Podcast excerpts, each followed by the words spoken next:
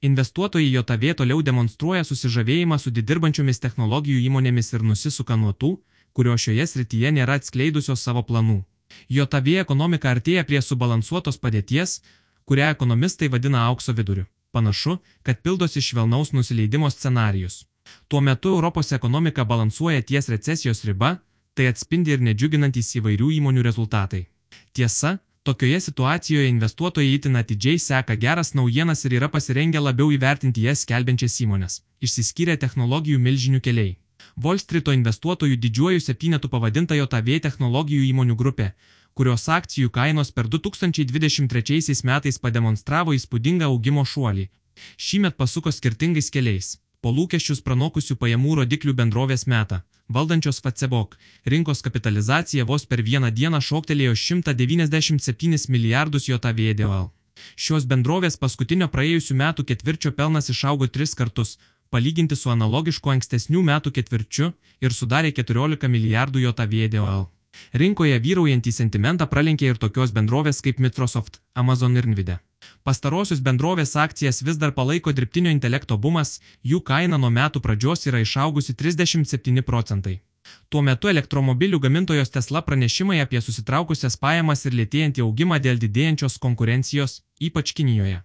Akcijos nuo metų pradžios jau prarado 25 procentai savo vertės.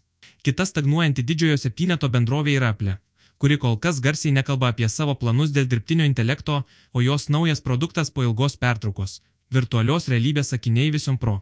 Už 3,5 tūkstančių JOTVDOL svaresnės įtakos akcijų kainai nepadarė. Prie balanso artėjant JOTV ekonomika. Panašu, kad JOTV ekonomika artėja prie subalansuoto scenarijaus, vadinamo aukso viduriu, kai jos augimas yra nei per greitas, nei per lėtas, o infliacija priartėjusi prie ilgametės normos. Tai gali turėti raminantį poveikį rinkoms, sumažinti jų sviravimo riziką ir paskatinti tolesnį akcijų kainų augimą. Didelis užimtumas, Nuosaikiai lėtėjantis augimas ir vėstanti infliacija, Svetbank analitikų vertinimu, leidžia tikėtis labiau prognozuojamos Federalinių rezervų banko FED politikos krypties bei išvengti rinkas nemaloniai galinčių nustebinti surprizų. Kita vertus, naujausi JOTV infliacijos duomenys rodo vėl nežymiai ūktelėjusią infliaciją ir greičiausiai atitolina sprendimą dėl bazinių palūkanų sumažinimo bent iki gegužės.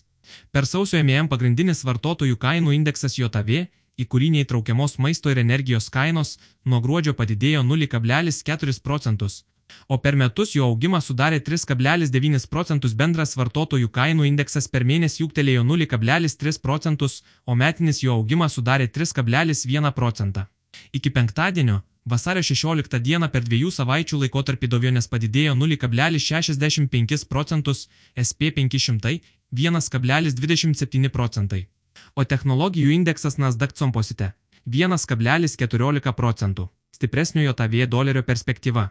Nepaisant aukštesnės infliacijos duomenų JOTV, dolerio ir euro santykis išlieka 1,07-1,09 rėžyje laukiant aiškesnių pinigų politikos gairių iš FED ir ECB. Kol kas ECB turi daugiau argumentų mažinti palūkanas nei FED. Svetbank valiutų strategų vertinimu JOTV DOL.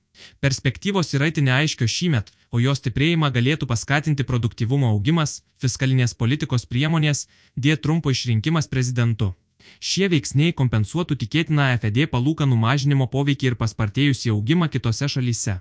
Euro kursas per paskutinę savaitę paaugo 0,32 procentai ir nusistovėjo ties 1,07 JOTVDOL už eurą ribą.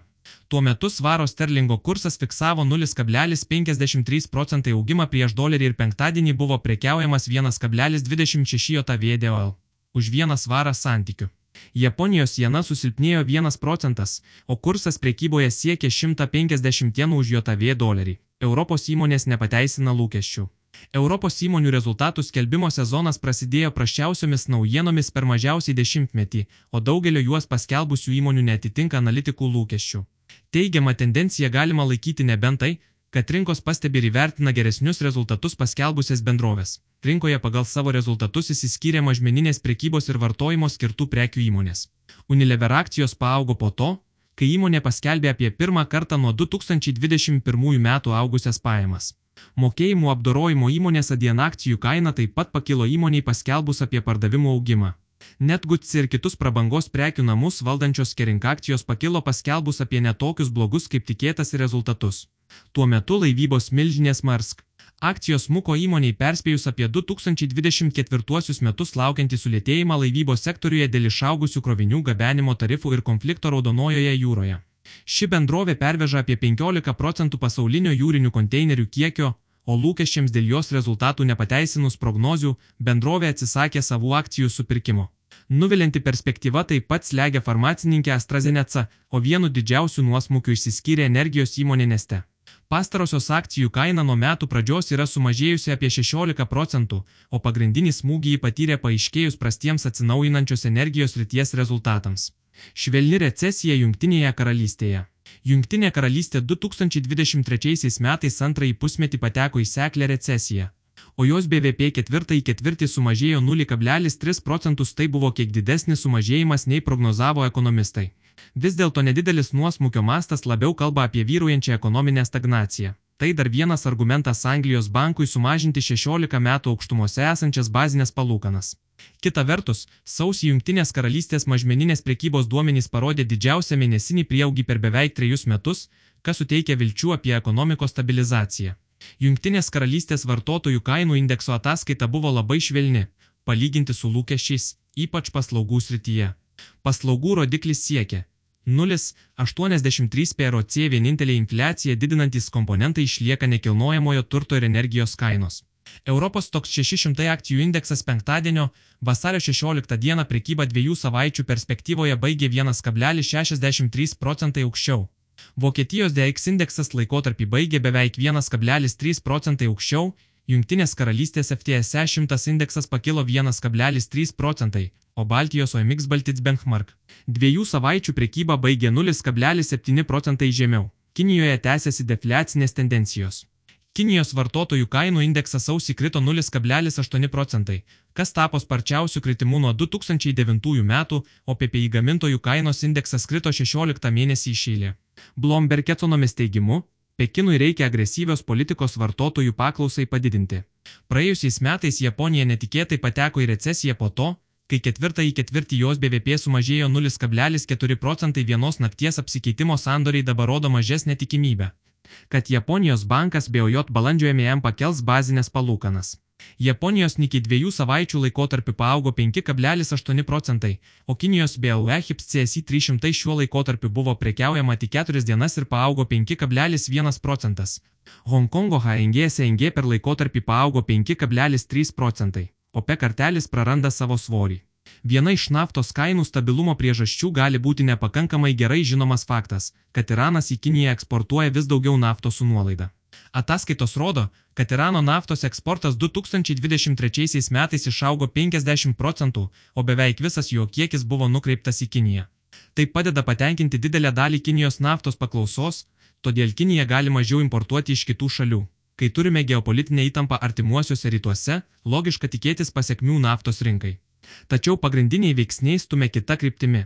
Esame įpratę, kad naftos kainas daugiau ar mažiau diktuoja OPEC, bet jo įtaka silpsta. OPEC nepriklausančios šalys, tokios kaip JOTV ir Kanada, dabar išgauna kur kas daugiau naftos nei anksčiau, o OPEC sanglauda aižėja. Tampa vis sunkiau diktuoti kainas rinkoje, kurios tik pusė priklauso tau. Didžiausia grėsmė naftos kainoms yra pasikartojantis išpoliai prieš naftos transportą arba į konfliktus tiesiogiai įsitraukusios artimųjų rytų valstybės.